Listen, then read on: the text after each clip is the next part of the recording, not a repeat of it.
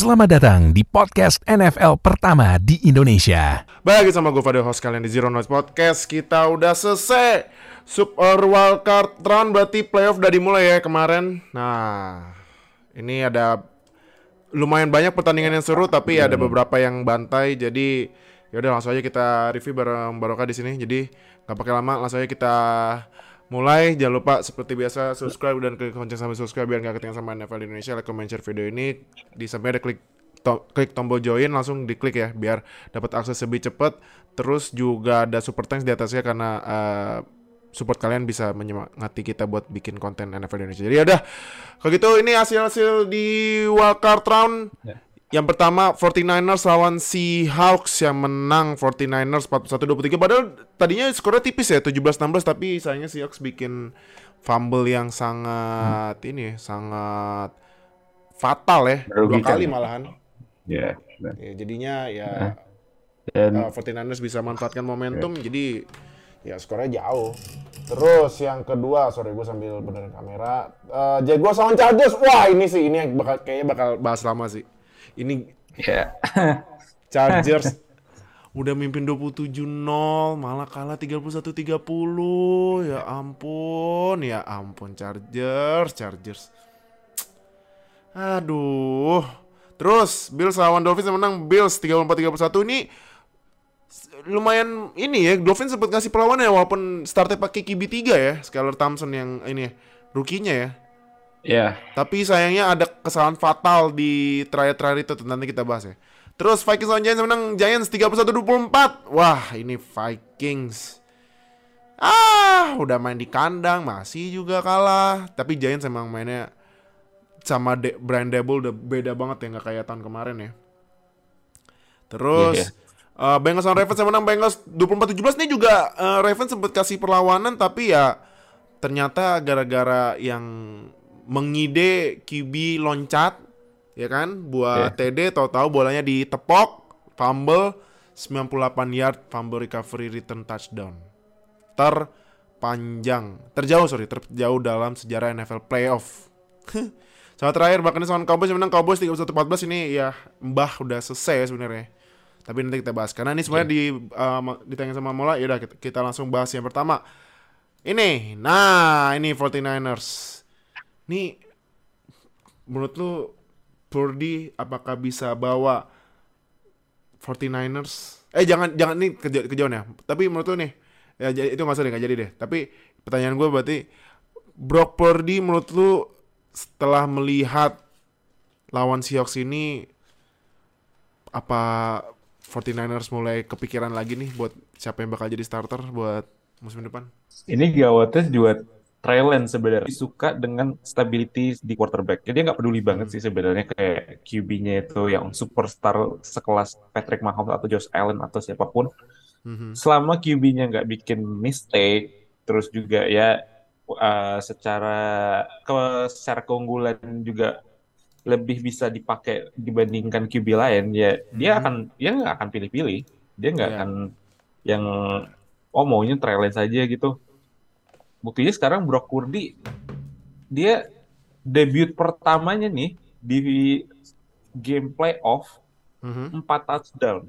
Dia 4 touchdown, men. 4 touchdown lo gila ya Gila, Brock, Pur- Brock Purdy literally pick terakhir Mr. Irrelevant gitu. Mr. Irrelevant iya Dia, dia bikin 4 touchdown, 3 passing, 1 rushing, dan kemarin juga passer ratingnya 131,5. Gue juga Hmm. sempat lihat ada statsnya di mana dia adalah salah satu, dia punya QB rating terbaik di NFL playoff debut untuk seorang rookie quarterback. gila sih Jadi this is a homecoming game lah eh, buat Brock Purdy karena ini ya ya mau gimana lagi ya udah kelihatan gitu loh Brock Purdy dalam se start semua startsnya musim ini tuh dia menang terus. Jadi Aha. dia memberikan hasil buat 49ers. Dan ya Kyle Shanahan juga pasti ngelihat kayak ternyata Brock Purdy bisa jadi QB satu kita nih. Mhm. Jadi yang terancam sekarang udah bukan Jimmy Garoppolo lagi, udah Trey Lance. Trey Lance, Trey Lance iya.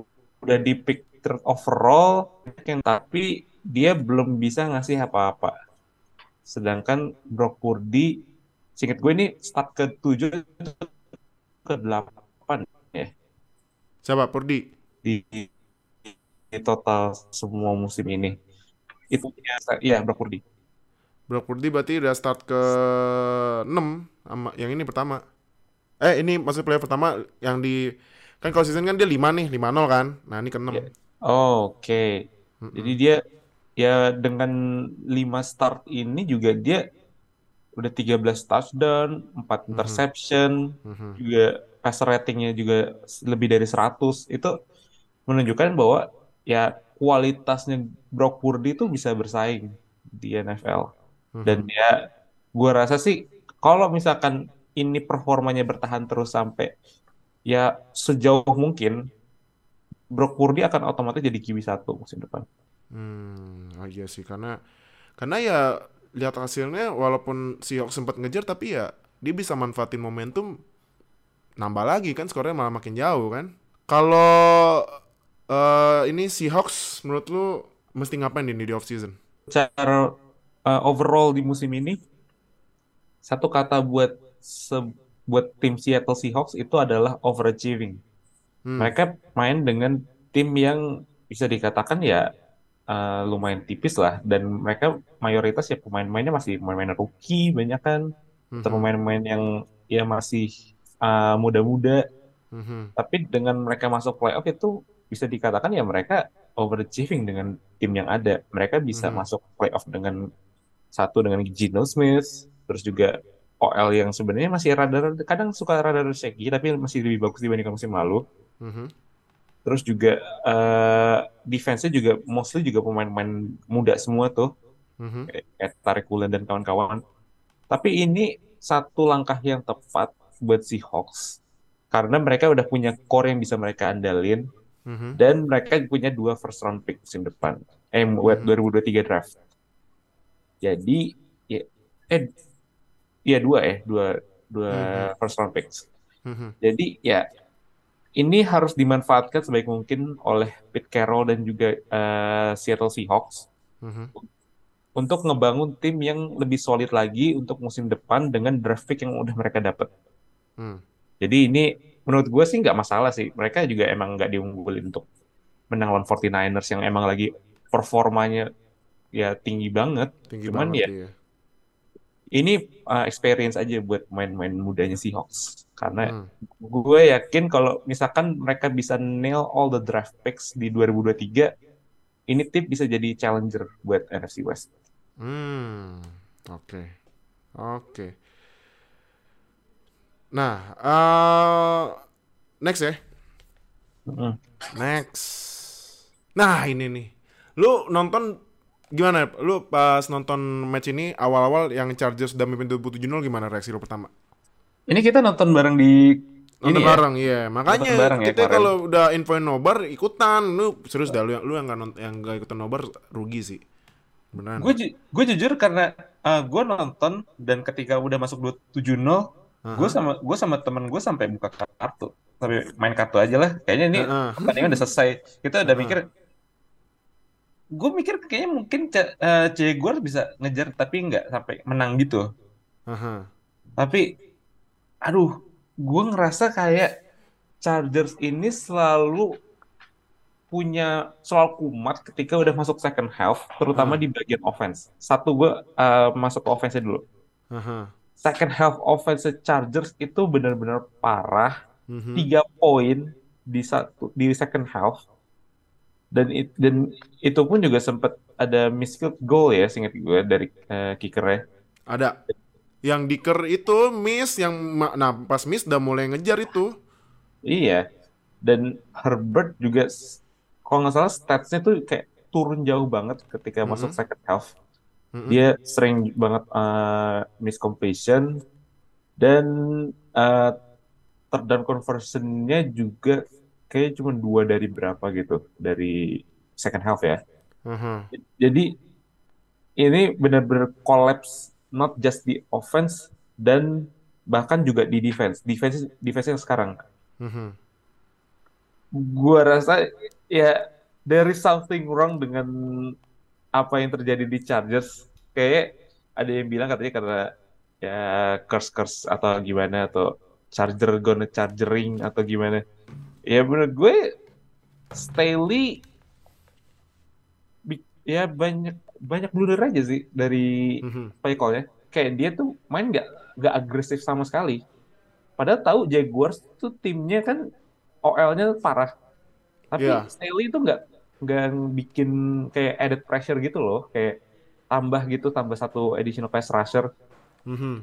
Dia main ya eh, santai gitu. Eh, seven man coverage, terus habis itu banyakin main nickel, main, main dime. Jadi nickel ada 5 dB, dime Mhm. main ada 6 dB gitu. Ya dia main ya udah gitu. Mainnya nggak ada agresif-agresifnya dari Chargers. Mhm. Dan ya gua rasa sih ya gue nggak heran kalau Joey Bosa sampai frustasi setengah mati itu karena ya play callingnya banyak yang agak aneh sebenarnya. Iya, parah sih. Tapi tapi jujur ya, yang Joy Bosa yang pertama yang dia kena penalti itu gue bingung kenapa dia kan katanya adu debat sama ref ya kan. Nah, oke. Yang kedua ini sih, yang kedua menurut gua ini udah salah peer ref sih. Habisnya jelas-jelas itu false start nggak di call. Nah, yang yang false start itu yang jagain Joy Bosa, makanya Joy Bosa ngamuk banting helm.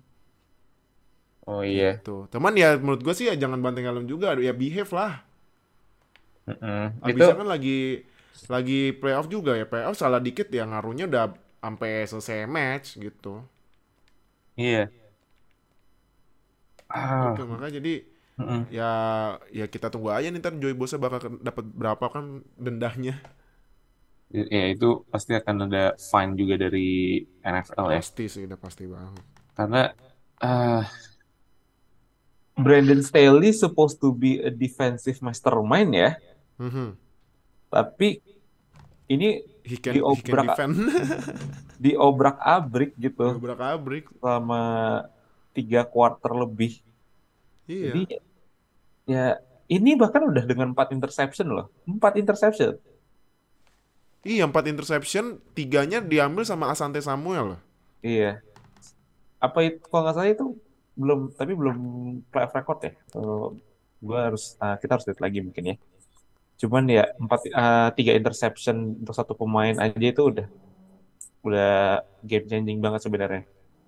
That Mhm. skenario seharusnya udah bikin Chargers bisa menang dengan Mhm. empat turnover, terus juga offense yang selama dua quarter pertama itu dia jalan banget, 27-0 at some point itu seharusnya udah bisa bikin tim eh, tim NFL lain tuh ya menang dengan comfortable gitu. Mhm. Tapi tidak dengan Chargers, Chargers Chargers can keep chargering ini mah. Eh, Main kok santai banget anjir. Iya makanya ke gue juga bingung nih. Gue sempet gue sempet bingungnya gini ya. Ini kan Chargers udah tu- 27-0 ya kan. Ya Iya. udah kalau 27 ya habisin waktu aja mainin running. Ternyata gue sempet baca ada statsnya kemarin. Abis 27-0 itu Chargers cuman 9 kali running. Atau 5 gue lupa. Ini lagi-lagi penyakit lamanya dari Chargers ya. Chargers udah ngelihat third quarter, udah unggul jauh. Mereka ngam, mereka berusaha untuk pinter, mencoba untuk pinter gitu, passing-passing gitu. Heeh. Dikiranya dengan Herbert yang lagi on form gitu ya, dia bisa komplit segala macam. Tapi habis ini ya miss mulu terus waktunya berhenti dan itu dimanfaatin sama Jaguars. Iya, makanya gue bingung, gue juga bingung kan pas nonton kenapa kenapa Chargers passing mulu ya? Udah tahu Mike Williams cedera gitu kan? Ya oke lah Gerard Everett kebuka mulu cuman kenapa passing mulu ya? itu seharusnya eh, kalau play calling normal tuh harus banyakin running. Mungkin mereka ngiranya karena Eckler nggak akan yang sampai bisa handle workload yang harus dia yang lari. Padahal tapi mereka punya Josh Kelly, mereka bisa Iya. spend time aja di situ santai on to down gitu. Mereka ambil running game. Terus habis itu ya eh terdownnya ya baru passing nggak apa-apa. Cuman ini passingnya sampai 43 loh. Even though ketika second half itu mereka nggak perlu banyak-banyak passing.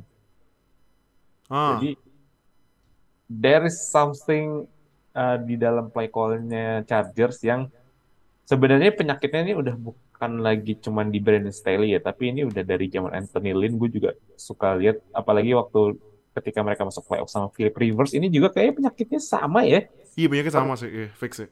Third quarternya itu langsung kayak terlena gitu loh. Gak ada Iya. adjustnya. Dan ini yang membedakan antara Chargers dengan Jaguars yang dilatih oleh Super Bowl winning Super head Bowl ini. coach. Iya. Nah, yang latih kan Doc Peterson. Lu masih inget kan yang pas Super Bowl 52 Dua. kan? Ya. That Philly special call. Oh iya. Kemarin pas fourth and one, ya pasti ini kalau and one kita udah bilang ya kibisnik lah kibisnik. Ternyata Peterson call play yang dia kasih ke Etienne. Lu lu pas liat play itu lu lu kaget gak? Gue sih kaget ya. Kalau lu gimana? Gue kagetnya karena bisa dapat gainnya sebanyak itu. Karena Ah, kalau nggak salah itu sampai belasan yards dan itu Etienne ya itu game yang sebenarnya bisa dibilang yang meng- yang mengunci eh, ini gamenya dari Chargers lawan Jaguars ini mhm. karena itu yang bikin eh, Jaguars bisa masuk field goal range dan itu yang bikin mereka menang. Gua rasa sih kalau misalkan Jaguars menang Super Bowl itu play harus jadi Jacksonville Special. Mhm. Kalau misalkan Eagles punya Philly Special, Jacksonville Jaguars bisa punya Jacksonville Special nih. Dan ini game uh, play yang bisa dibilang ya paling penting dalam Mhm. uh, playoff seasonnya dari Canggu Jaguars saat ini. Hmm, oke oke. Iya karena gue sumpah nonton gue gue teriak anjir. Gue bilang, "Wah, anjir itu play apaan anjir? Sumpah keren banget sih. Gue makanya gue gue salut sih sama ini sama play callingnya si Wow, Iya. Peterson sih. Gila. 25, 25 yard loh. Gue baru lihat 25 ini. yard, main 25 banget ya. Gila Iya. sih. Gokil. Makanya berarti ini karena Jaguars bisa comeback 27 poin, itu berarti comeback terbanyak ketiga dalam sejarah NFL playoff. Yang pertama itu yang 32 poin pas Bills comeback lawan Oilers Iya. yang tahun 93 nggak salah. Mm. Terus yang kedua itu yang Chief, yang Colts comeback lawan Chiefs. Chiefs, ya, 28 2000 poin yang Andrew Luck jadi Superman. Ya 2013-2014 Iya, itu Andrew Luck yang mimpin Colts buat ngalahin Chiefs yang Yoi. masih sebenarnya dilatih sama Andy Reid dan tapi QB-nya masih Alex Smith. Masih Alex Smith iya. Nah, jadi ini yang ketiga ya. Oke. Eh, buat ini kalau menurut lo buat Chargers terakhir apakah harus pecat semuanya? Coaching staffnya? Ini walaupun mereka akhirnya masuk playoff tapi ini performa udah unacceptable sebenarnya. Iya. Ini bisa bikin head coach lain pecat. Tapi menurut gua kayak Chargers ini uh, bakal tetap pertahanin Staley Aha, dan juga coaching staffnya mereka. aha. Ya kecuali kalau misalkan ya mereka benar-benar collapse musim depan baru Staley itu akan dipecat dari Chargers. Hmm, oke. Oke deh. Sip. Next ya. Ya, Nah, Bills lawan Dolphins menang Bills 34-31. Ini eh, sebenarnya Bills sempat mimpin 17 no, tapi Dolphins ngejar dan ternyata eh, Josh Allen sempat bikin kesalahan ya, dua kali interception malahan. dan Tapi satu fumble. Iya, tapi dua interception kan si eh, Josh Allen. Iya, dua interception sama eh satu fumble itu. Iya, satu fumble ya, fumble yang fumble di belakang ya langsung recovered sama defense Dolphins ya touchdown ya. Habis itu mimpin kan sempat mimpin 20 24-0 eh 24 24-20 maksudnya. Mm-mm. Nah, jadi tapi untungnya menang ya si eh, Bills. Nah, tapi gue mau bahas eh, ini bahasnya dikit sih. Abisnya eh dua sih paling sama ya future Dolphins ya. Nah, gue mau bahas yang kesalahan fatal Dolphins pas mau two minute warning itu yang fourth and one. Yang kayak orang bingung, terus tiba tahu-tahu play clock udah tiga sisa detik, tiga detik masih belum siap terus pada buru-buru udah siap line up si Skylar Thompson udah tepok udah nepok buat snap telat snapnya jadinya delay of game nah itu menurut lu udah apa memang udah menunjukkan head coach rookie mistake apa apa gimana menurut lu? Yang paling kelihatan dari kesalahan kemarin ya situational awareness, situational awareness dari Mhm. uh, Mike McDaniel ya kayaknya ya emang or, eh, emang lagi brain freeze aja ya. Kayak dia nggak ngelihat play clock terus habis itu ini padahal sebenarnya udah tinggal satu yard lagi gitu loh. Dan dia mungkin eh, kan soalnya di sempet dibawa lari itu kan sama running backnya. Iya. Mungkin mungkin juga ya dianggap gue sempet bacanya dianggap sama McDaniel tuh dia first down. Iya, dikira first down, iya. Ya, Dia sempet Gua- ngomong loh. gue rasa sih ini down. ini emang dari McDanielnya aja yang lagi ngawur. Nggak tahu dia lagi habis sebat atau gimana, tapi gue lihatnya kayak itu harusnya lu sadar gitu. itu lu Mhm. harusnya tahu. Fourth and one yang sebenarnya itu bisa tinggal pakai Jeff Wilson masuk satu, habis itu two minute warning, mereka bisa ngejar. Mhm. Itu kesalahan yang paling fatal yang dilakukan oleh McDaniel kemarin. Tapi overall sih ya dengan keterbatasan yang mereka punya, Skylar Thompson, even though mereka 31 poin, tapi kemarin Skylar Thompson sebenarnya parah banget mainnya. Ya, Iya sih parah, sih ya? passingnya parah sih parah.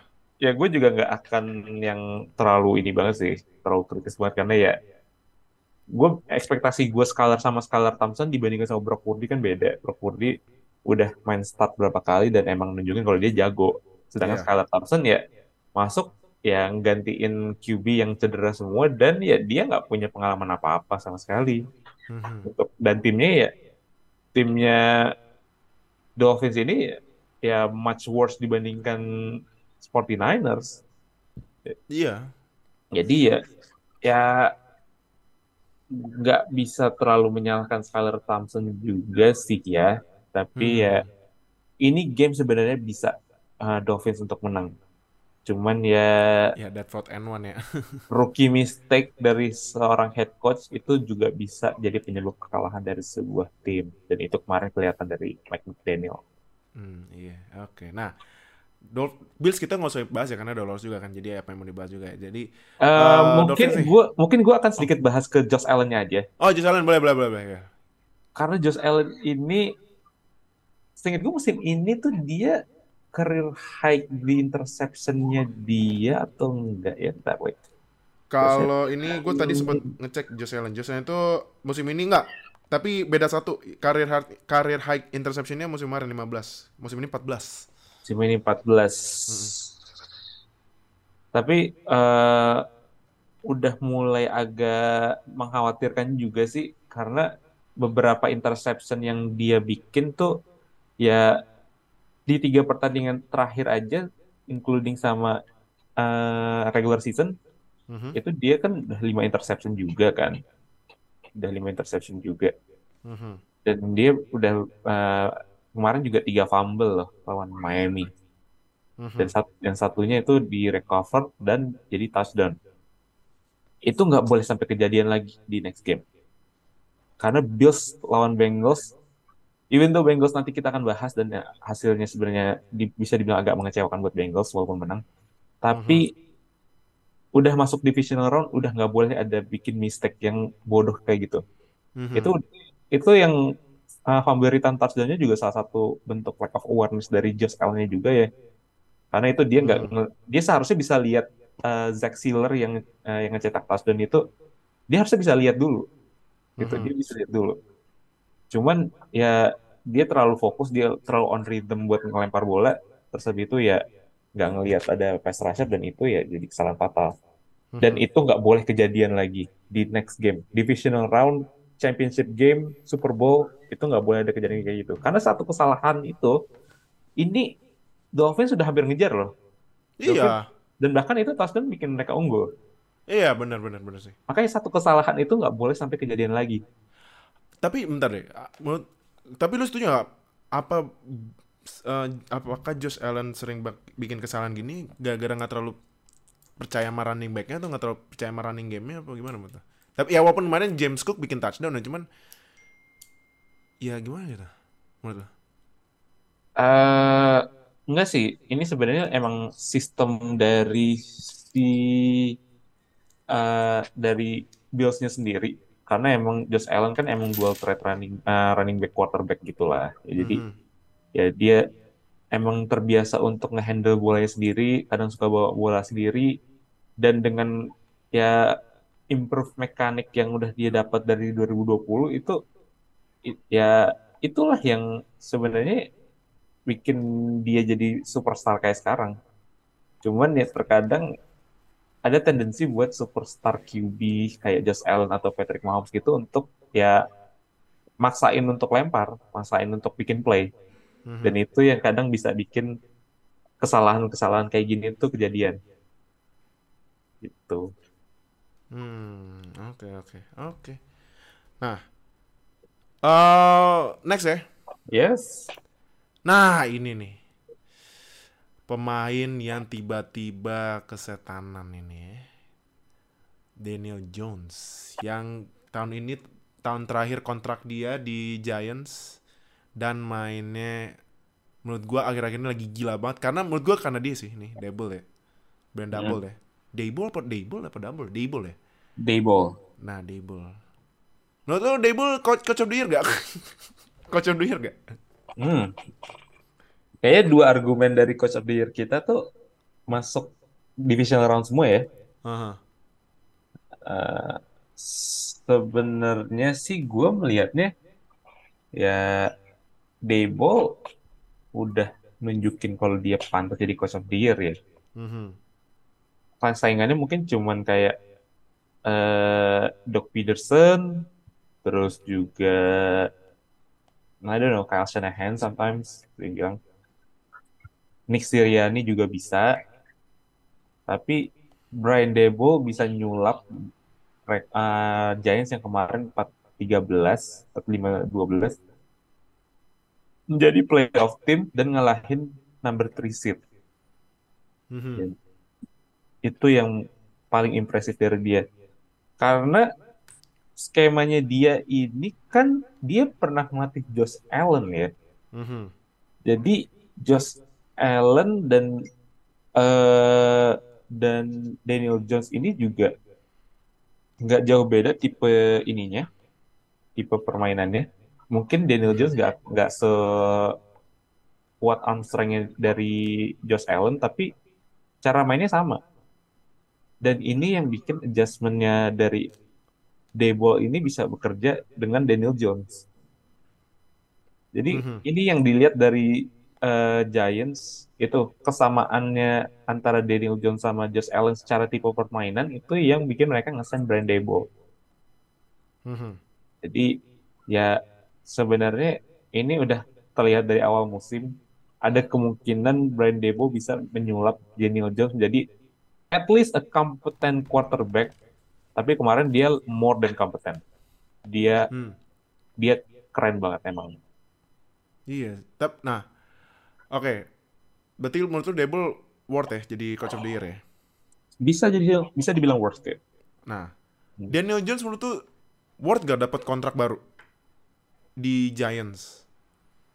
Kalau dia bisa dapat kontrak yang menurut dia juga fair buat dia, ya bisa aja.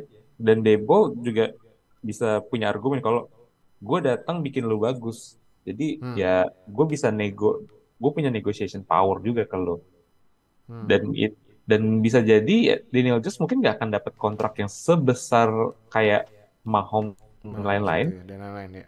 Tapi dia akan dapat kontrak yang bisa di yang bisa jadi starter QB.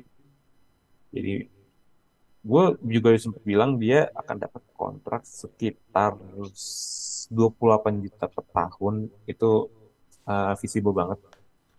Mungkin Hmm. dengan insentif-insentif, tapi Mhm. ya kita lihat aja nanti uh, off season nah, negosiasinya antara Daniel Jones sama New York Giants kayak gimana.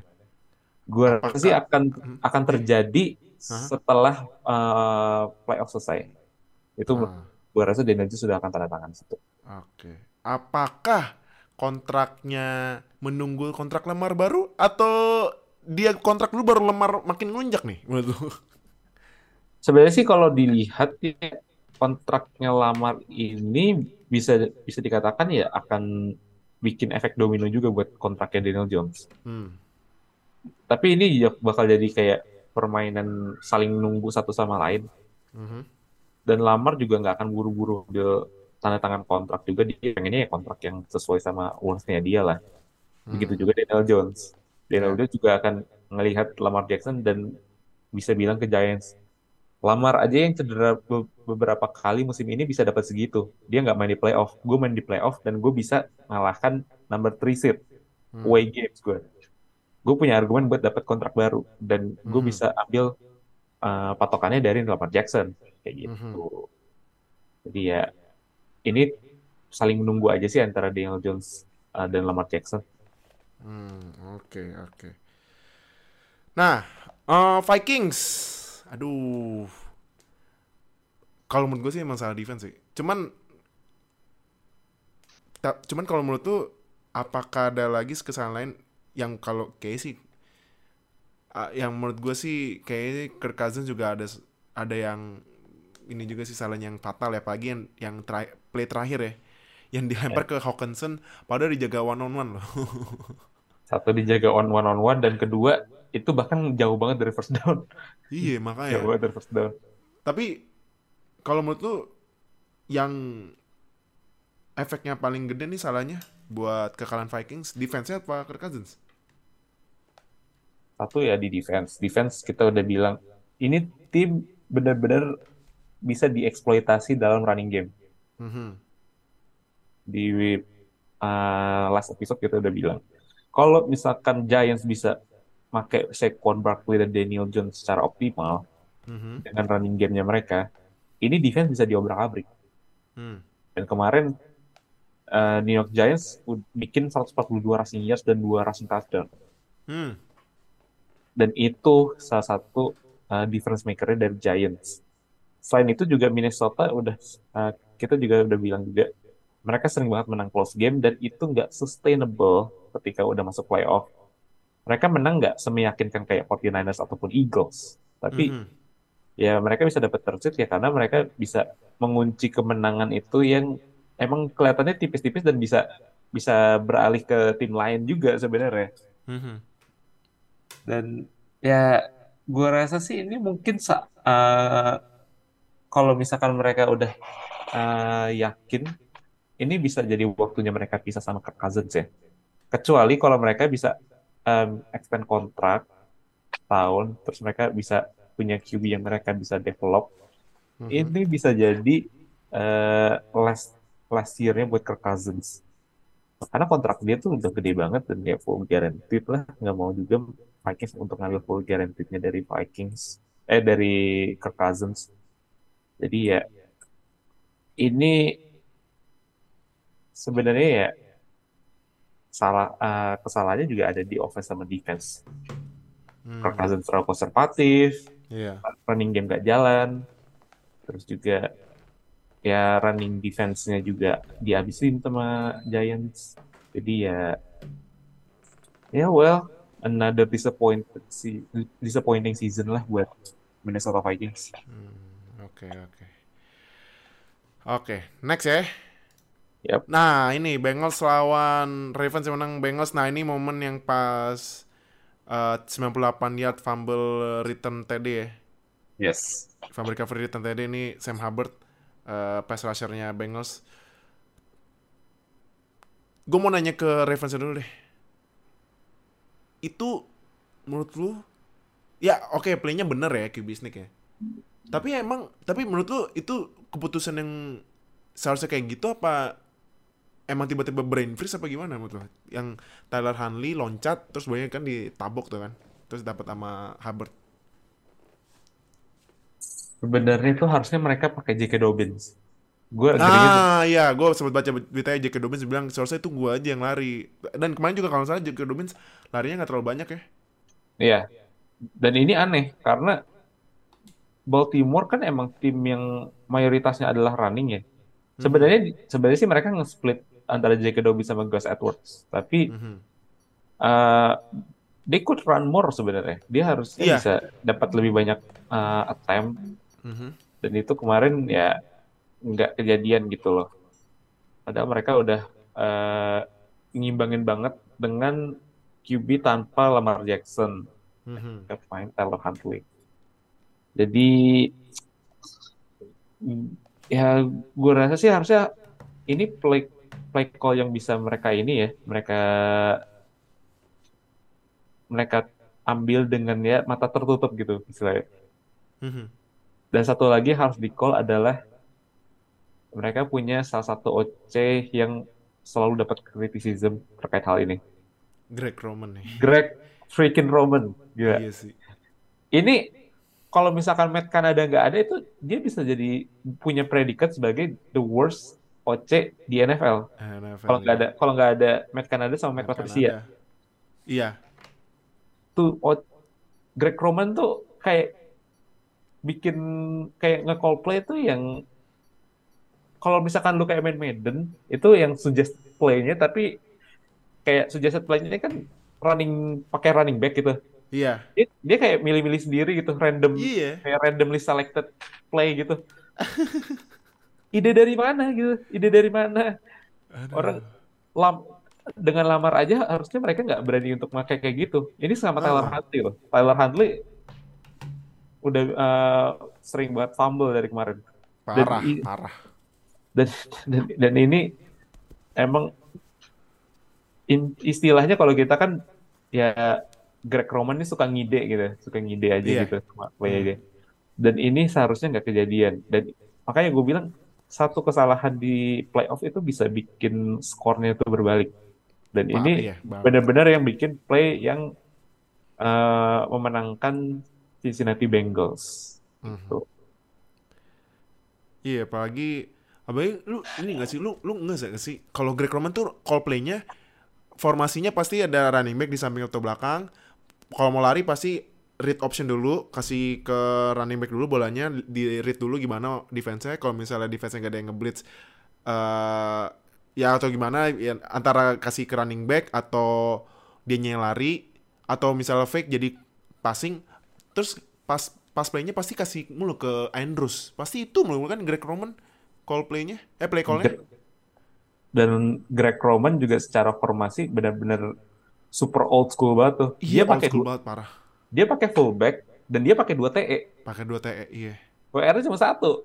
iya W, makanya W, WR cuma satu. Dan Mark Andrews tuh di line up-nya tuh di WR dia. WR Uh, iya Jadi dia ngerilis ya udah kayak wide receiver biasa.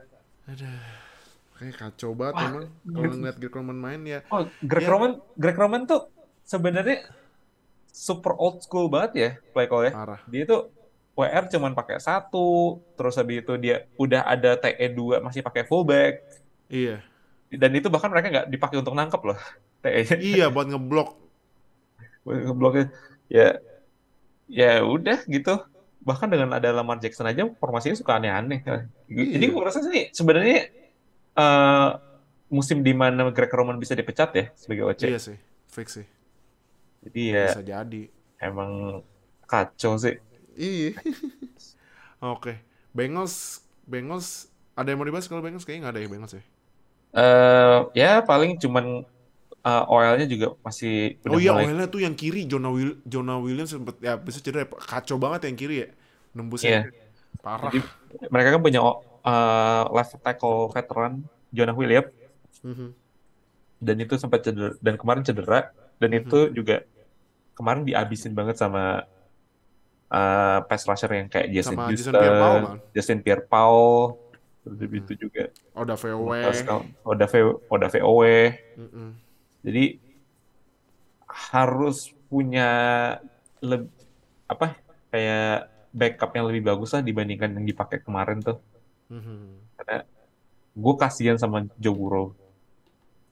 Jadi emang kemarin ya mainnya nggak begitu bagus ya karena dihantem mulu sama pass rusher-nya Ravens. iya Aduh. Wah, Ya jadi harus diperbaikin nih untuk posisi offensive line-nya.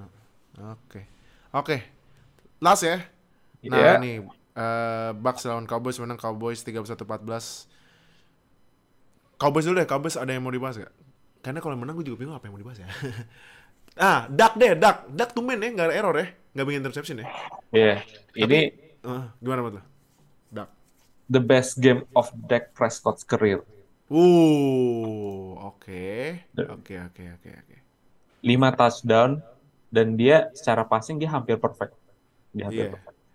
Jadi ya ya mau bilang apa lagi gitu. Mereka mereka dan Dak Prescott juga bisa bilang kalau dia nggak perlu bergantung sama running back-nya dia untuk Hmm. bisa making the plays dan dia emang cocok jadi salah satu top 10 quarterback di NFL.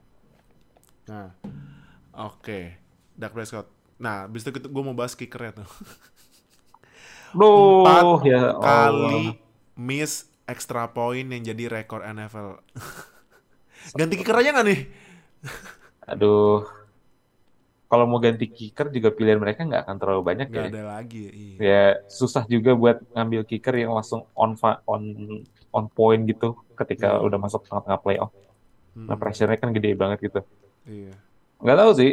Sebenarnya kan field goal uh, extra point terakhir kan masuk tuh. Tapi ya tergantung dari Cowboys juga sih masih percaya sama Brett Maher atau enggak. Benar, Cuman jangan sam- jangan sampai kejadian lagi lah kalau udah masuk uh, divisional round. Karena ini berarti mereka bakal lawan melawan ja- lawan Eagles ya. 49ers. Oh iya, Mampus. karena Giants menang ya. Iya, lawan 49ers. 49ers ngeri loh. 49ers lagi sub on fire banget. Ngeri, mengerikan. Itu nggak boleh ada 4 poin loh itu. Itu 4 poin bisa jadi pembeda loh. Bi- itu 4 poin sama 49ers bisa dimanfaatin jadi 24 poin. Iya. Bisa bisa jadi ya kalau misalkan field goal-nya habis ya mereka cuma bisa ya nggak bisa kalah lawan 49ers. Iya. Nah, terakhir deh. Opung gimana Opung?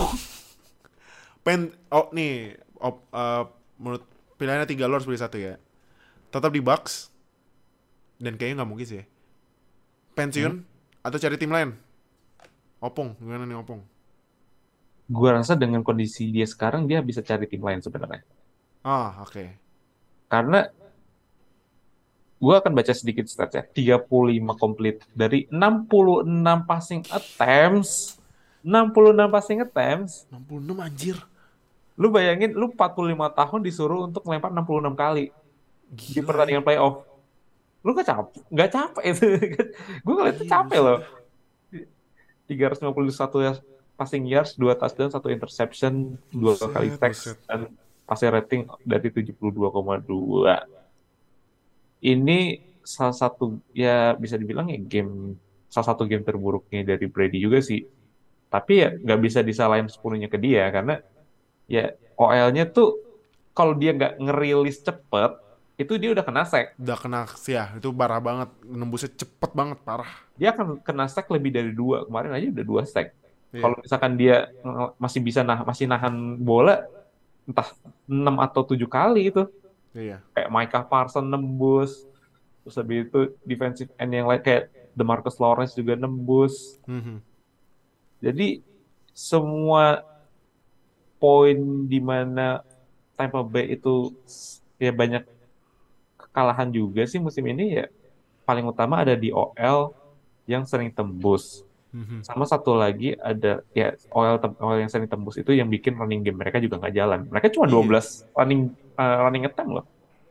12 loh. Parah. Dallas Dallas uh, Dallas Cowboys sendiri itu tiga kali lipatnya. Kacau emang OL-nya. Iya. Makanya gue juga ada feeling kan pas OL starternya tiga orang pergi kan. Ya ada satu cedera tapi kemarin kan balik lagi tuh Ryan nih. Iya. Ya gue bilang sih Brady udah bakal hancur sih nih musim ini. Ternyata bener kan. Apalagi juga head coach head coach yang ya ya lu lihat sendiri kan dia jadi head coach Head coach-nya- Jets dulu hancur. Head coach-nya mabok ini sebenarnya. Mabok makanya. 8-10. Satu lagi sama defense ya. Satu lagi Nah, sama defense. defense. Hmm. Defense mereka tuh terutama di pass rushing itu udah tua-tua dan Hmm, yang peng- penggantinya itu juga yang nggak sepadan menurut gue. Kayak mereka sempat punya Ndamu Kongsu, Jason Pierre-Paul, Shaq Barrett. Mereka sempat punya at some point tapi sekarang tuh ya kelihatan pass rushing-nya dari Buccaneers tuh nggak ada gigitannya sama sekali. Dan Iya.